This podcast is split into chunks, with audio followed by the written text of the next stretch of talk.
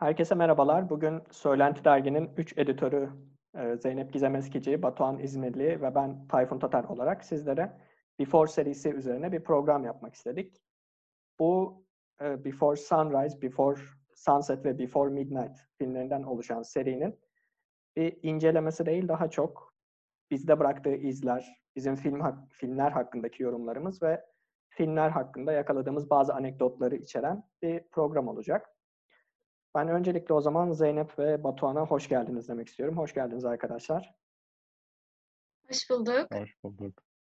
Nasılsınız? İyisiniz umarım. İyiyiz Tayfun. Teşekkürler. İyiyiz. Teşekkürler. Sen nasılsın? Teşekkür ederim sorduğunuz için. Ben de iyiyim.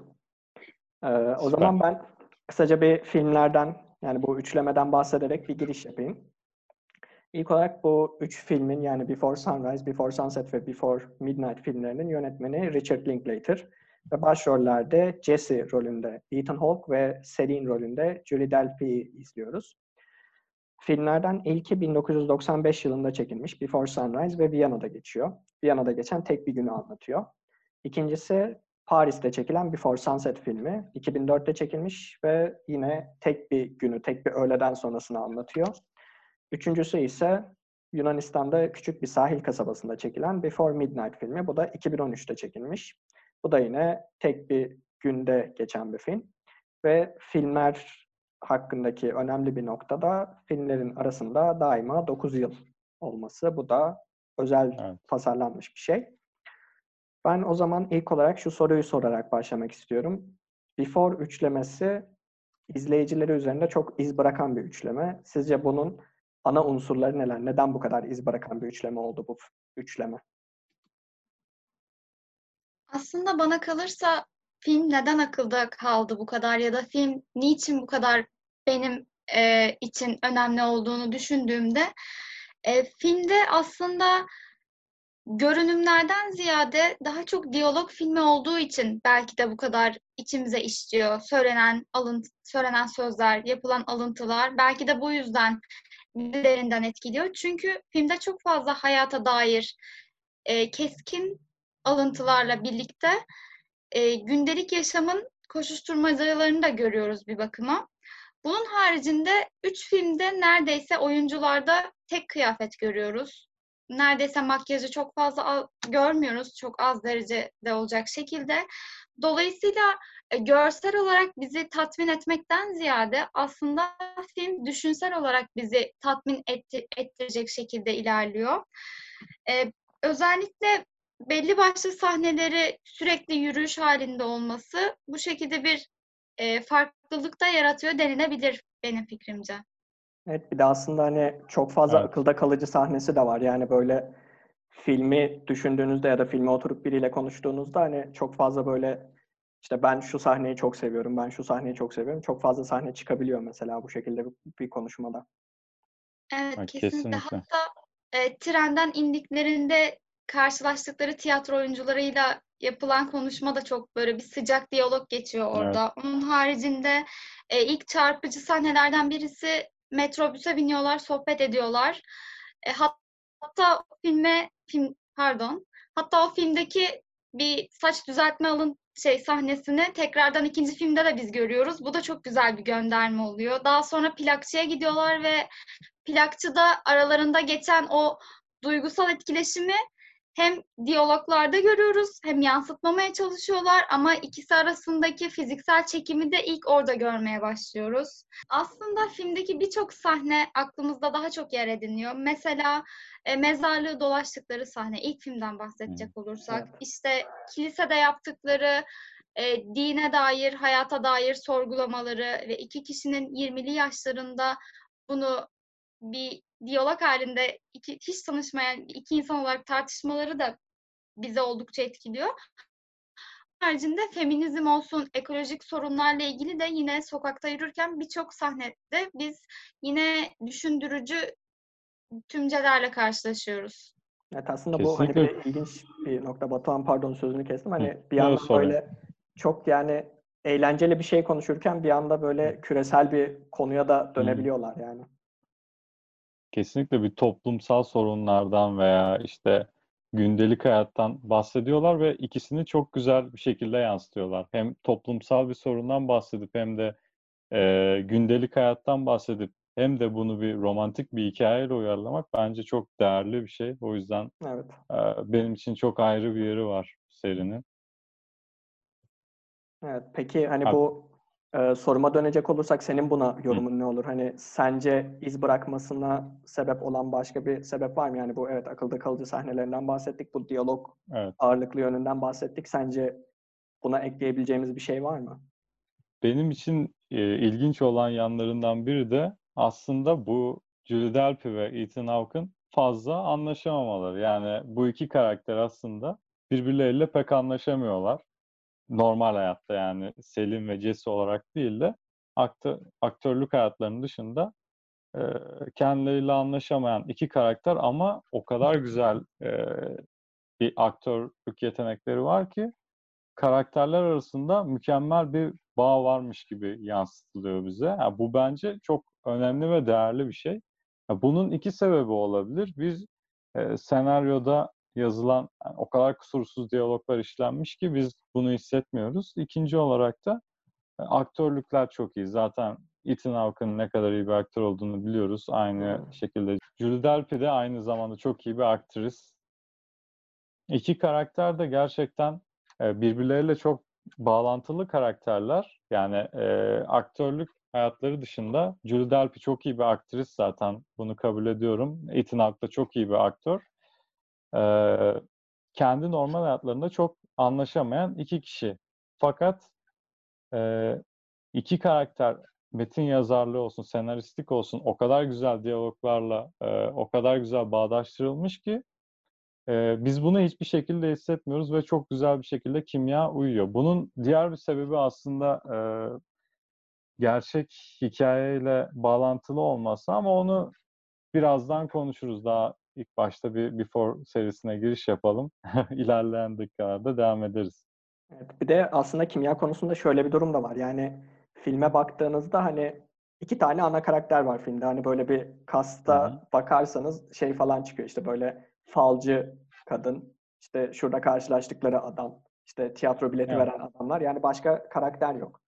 Ve biz filmi evet. tamamen bu iki karakterin diyalogları üzerinden izliyoruz. O yüzden bu ikisinin kimyası tutmadığı anda bunu izleyiciye yansıtmama gibi bir ihtimalden ben hani bunu bu ihtimal düşünemiyorum. O yüzden bu ikisinin kimyasının tutması gerçekten hani filmin doğası gereği çok önemli. O yüzden yani kimya bence en önemli unsurlarından biri bu filmin. Kesinlikle. sadece diyaloglarla ilerleyen bir filmden bahsediyoruz. Bir de şöyle bir şey söylemem gerekiyor bu konu hakkında. Linklater gerçekten Diyalog konusunda usta bir yönetmen. Yani bu filmler, bu seri haricinde diğer filmlerinde de mükemmel diyaloglar oluşturan bir yönetmen. Ee, mesela ilk filmlerinden biri Slacker vardı. Aynı şekilde yani sürekli diyaloglarla geçen film ve e, bir tane animasyon film vardı. Waking Life aynen. Waking Life'da aynı şekilde sadece diyaloglarla geçiyor ama gerçekten Linklater bu konuyu o kadar güzel kavramış ki izlettiriyor. Çünkü gerçekten diyalog filmini izletmek bir seyirciye çok zor ve çok meşakkatli bir durum. Yani izleyici de yoruluyor çünkü bir süre sonra. Sadece evet. diyalog takip ediyor. Eğer o diyalog izleyiciye hitap etmezse hiçbir şekilde e, izleyici izlemez ve bu noktaya gelmezdi.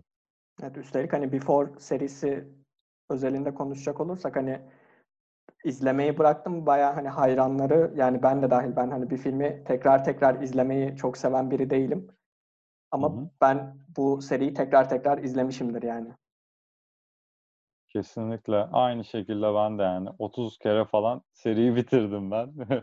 Utanmadan söyleyebiliyorum. Yani çok ayrı bir yeri var benim için. Evet ben de öyle tekrar tekrar izliyorum. Çünkü bazen böyle içimden geliyor. Diyorum ki Before serisini izleme zamanım geldi. Her izlediğimde çünkü farklı bir kesitini yakalıyorum. Sanki farklı bir yaşımda filmden de farklı bir kesit yakalıyorum. Ve bu da beni çok heyecanlandıran bir nokta oluyor. Yani zaten bu e, yayını yapmaya ilk karar verdiğimizde de böyle bir şey hatırlıyorum ben Zeynep böyle çok heyecanlanmış daha seriyi yeniden izlemeliyim işte bu akşam mı izlesem Evet, yarın mı izlesem diye. O zaman Batuhan ben sana şunu sormak istiyorum. Az önce bir bahseder gibi oldun. Aslında bence şu an onu konuşabiliriz. Bu filmin aslında gerçek bir hikayeden esinlenilme gibi bir durumu da var. Bunu bize açıklayabilir misin biraz? Evet ya aslında e, bu hikaye benim için gerçekten çok önemliydi. Ben 5 sene önce falan bu hikayeyi öğrenmiştim. Bu hikayeyi öğrenmeden önce işte birkaç defa bitirmiştim zaten e, seriyi ve gerçekten benim için ayrı bir yeri vardı. Ama ben bu hikayeyi öğrendikten sonra gerçekten e, bu serinin yeri bambaşka bir yerle aldı bende. E, hatta bir 5 sene önce falan daha doğru düzgün Türkiye'de pek gündemde değildi bu hikaye. Şimdi hala çok fazla değil ama yine e, biraz daha fazla görüyoruz. Ben hikayeyi anlatayım. Çok uzattım.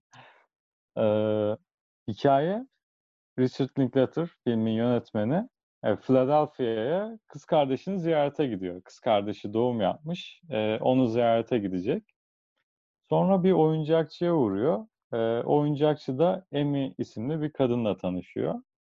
Aynı bizim Before Sunrise'da gördüğümüz gibi güzel bir gece geçiriyorlar. Birlikte geziniyorlar. Aynı şekilde çok diyaloglarla dolu mükemmel bir gece geçiriyor. Ee, hatta sürekli Linklater geçirdikleri gecede diyormuş ki Amy'ye ya işte ben bunun hakkında film yapacağım. Film yapmak istiyorum. Yani sürekli Acaba aklında bunlar dönüyormuş. Aynen sürekli aklında bunlar dönüyormuş. Ondan sonra e, Sunrise'dan farklı olarak e, birbirlerine telefonlarını veriyorlar. E, Sunrise'da ne yapıyorlardı? 6 ay sonra görüşeceğiz deyip bırakıyorlardı. E, bu gerçek hikayemizde. Birbirlerine telefon numaralarını veriyorlar. Belli bir süre haberleşiyorlar. İşte farklı şeylerde yaşıyorlar zaten. Ondan sonra Linklater haber alamamaya başlıyor Amy'den. Sonra bu filmi yapma fikri aklına geliyor. E, filmi yap, e, filmi çekmeye başlıyor. Ya filmi çekmesinin amacı zaten yönetmen olduğu için e, hikayeyi direkt e, kendi içinde harmanlayabiliyor. O yaşadığı bir hikayeyi hemen e, bir filme dönüştürebiliyor. Zaten yetenekli bir yönetmen. Hı hı. E, bunun haricinde biraz da bu Emmy'ye ulaşma çabası diyebiliriz. Yani zaten birkaç senedir görüşemiyorlar ve bir şekilde Emmy'ye ulaşıp hani galada onu görmeyi düşünüyor. Çünkü hatta bunu şununla da kıyaslayabiliriz. Ee, Before Sunset'te hatırlıyorsanız e, Jesse niye kitap yazıyordu? Aslında Selin'e ulaşmak için kitap yazıyordu. Yani biraz Evet. bununla bağlantılı olabilir. Buna da tekrar değiniriz. Peki Emmy'ye Ee, ulaşmış mı? Şu ulaştı ama Emmy'ye ulaştı ama biraz sıkıntılı bir durum oldu. Ondan sonra e, filmi çekiyorlar. Tabii Emmy galaya gelmiyor. Ondan sonra 9 sene geçiyor aradan.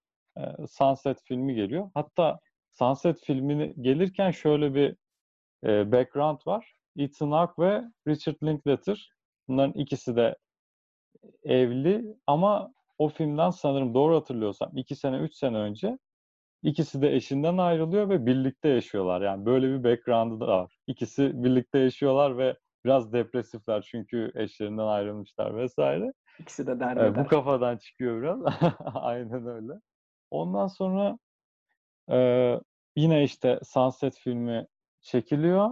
Yine hiçbir şekilde Emmy'den haber yok. Midnight filminden iki sene önce Richard Linklater'ın bu arayışından Emmy'nin bir arkadaşı haberdar oluyor ve Emmy'nin öldüğünü, Emmy'nin motosiklet kazasında Sunrise çekiminden bir sene önce öldüğünü söylüyor. Yani hikaye bayağı dramatik bir şekilde bitiyor. Böyle bir Ben hikayesi var. bilmiyordum. Çok kötü oldum şu an. Burayı keseriz. Evet yayınımıza Zeynep'siz devam ediyoruz. Evet gerçekten inanılmaz bir hikaye ya. Ben de e, bu şekilde böyle bir hikayesi olduğunu öğrendikten sonra benim için çok ayrı bir yeri olmuştu filmin, serinin. Böyle bir hikayesi var. Evet, bugün bir daha izlemek için bir nedenimiz daha oldu. Evet, kesinlikle. Aslında yani hikayenin bu kadar şey bu arada şu an hani yayına giriyor gibi şey yapalım mı? Yayına devam ediyor gibi. Ben hani öyle giriyordum da bayağı. Tamam. Evet. Aslında hani ben bu hikayeyi bu kadar ayrıntılı bilmiyordum doğruyu söylemek gerekirse. Hani bazı kısımlarını biliyordum sadece. Şu an dinleyince Bu da öyle. bu filmin yazılma hikayesi üzerine başka bir film yazılabilir aslında yani. Evet. Hani öyle bir hikayesi var gerçekten filmin. Kesinlikle Şu an- çok etkileyici ya. Evet şu an Zeynep'le biz de şok olduk Batuhan'ın anlattıklarıyla birlikte. Bu kadar detaylı Şok, şok, çünkü ben de. Çok çok etkileyici. Ben o zaman şimdi biraz başka bir kısma tanımak, taşımak istiyorum sohbete. Ee, yani önce ben kendi yorumumu yapayım. Benim gözümde bu üçleme biraz şöyle. İlk iki filmi gerçekten çok seviyorum. Üçüncü film bana biraz böyle kötü bir film demiyorum kesinlikle. Hani sinematografik açıdan bir eleştirme değil bu ama bir tık daha hani üçüncü bir film de olsun. Hani ilk iki film çok sevildi. Bu da sevilir gibi bir film gibi geliyor. Yani zorlama da demek istemiyorum ama hani ilk iki filmin yerini tutmuyor bende. Sizin bu konudaki görüşlerinizi merak ediyorum. Hani hem filmler hakkındaki yorumlarınız işte farklı farklı bu üç film hakkındaki hem genel üçlemenin gidişatı hakkındaki görüşleriniz neler? Aslında bunu ben de çok düşündüm. İlk izlediğimden bu yana seriyi, evet ilk iki film daha birbirine paralel giderken üçüncü film niçin bu kadar sarsıyor izleyiciyi şeklinde.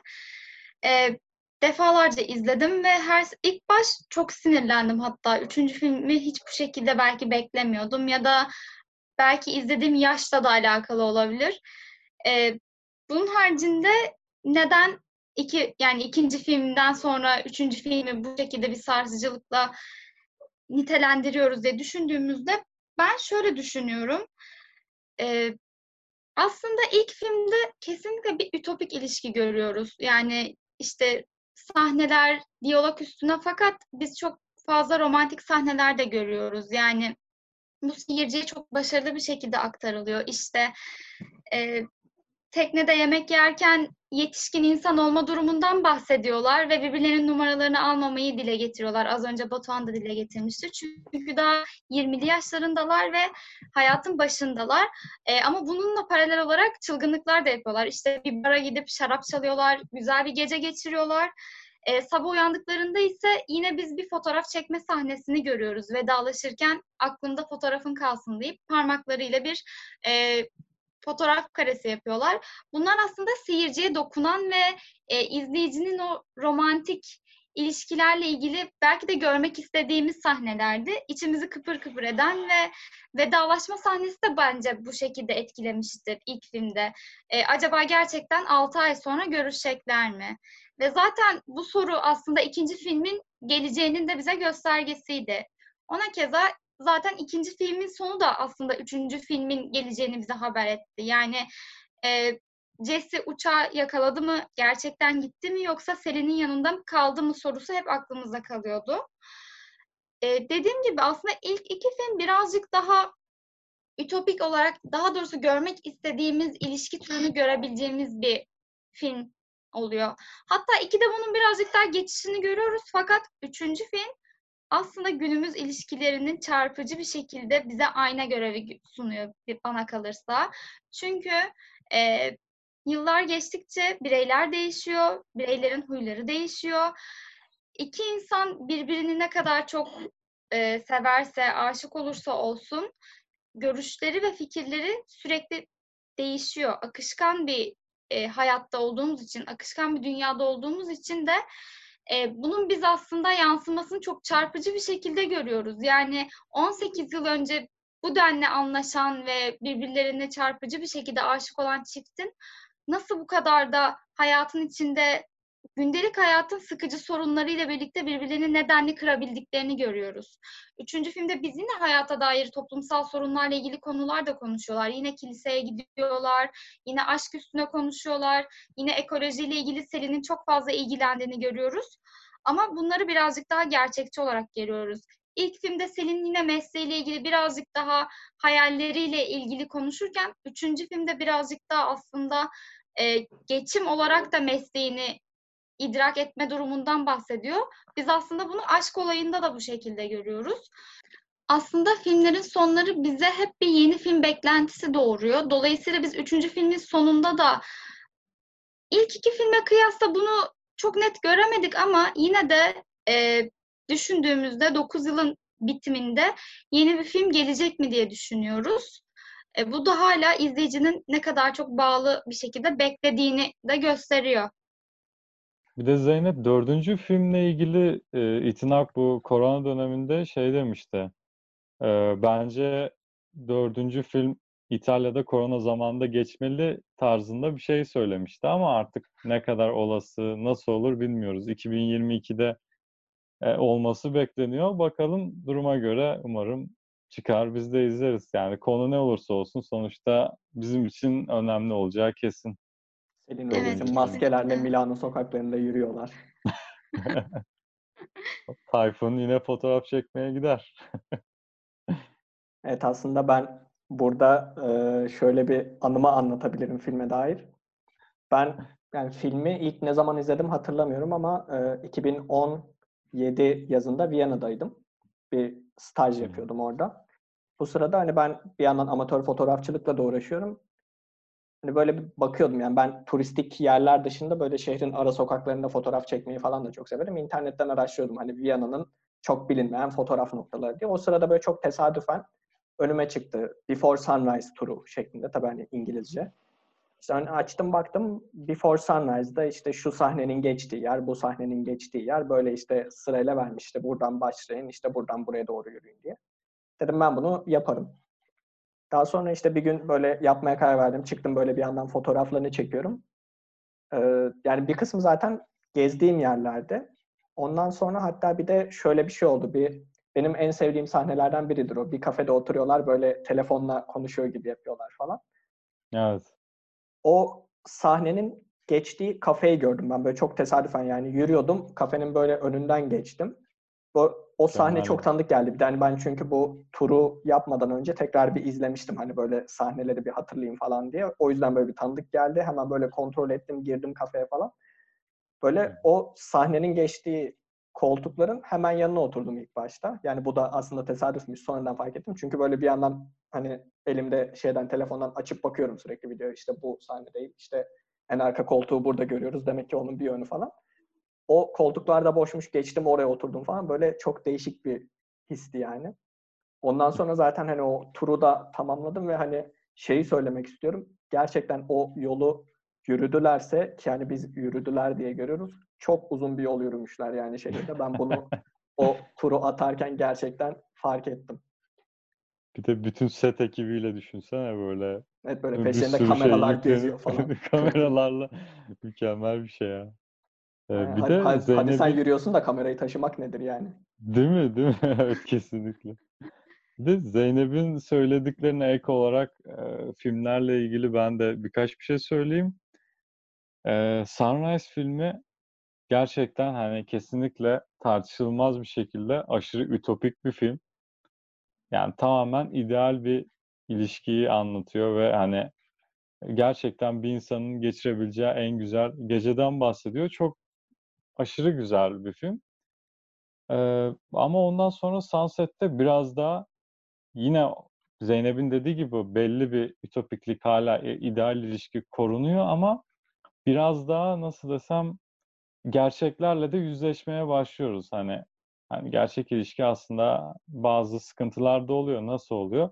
İşte Sunrise'da demişlerdi ki 6 ay sonra buluşuruz ama 9 sene sonra görüyoruz ki karakterler buluşamamış 6 ay sonra. İşte e, Jesse'nin çocuğu olmuş, işte aile kurmuş. Yani beklentiler hayatta olduğu gibi orada da karşılanmamış. E, bu yüzden aslında Sunset'in benim için çok ayrı bir yeri var. Çünkü o hayal kırıklıkları, o gerçeklikler gerçekten beni çok etkiliyor ve benim için çok önemli bir film Sunset. E, aynı şekilde bunu Midnight'a uyarlarsak Midnight'ta artık tamamen e, büyük bir tartışma görüyoruz ve bu tartışmanın ayak izlerini aslında film boyunca yavaş yavaş görüyoruz. İşte Ethan Hawke çocuğunu e, havalimanına bırakıyor. Ondan sonra arabada küçük bir tartışma oluyor ve e, Selin'in ilk başta işte yazlık evine gidip orada vakit geçirip ondan sonra beraber otel odasına girip e, vakit geçirme sürecinde diğer filmlerdeki gibi bir yürüyüş yolları oluyor. Yani artık zaten Before serisinin olmazsa olmazıdır. O yol yürünecek bir şekilde. Yol yürünüyor ve e, aynı şekilde yolu yürüyorlar ve Selin diyor ki gelmeden önce biraz gergindim. Burası binlerce yıllık trajedilerle yüklü. Yeni trajik bir şey olacağından korkuyorum diyor. Yani gerçekten o büyük tartışmanın yavaş yavaş ayak izleri burada da hissedilmeye başlıyor.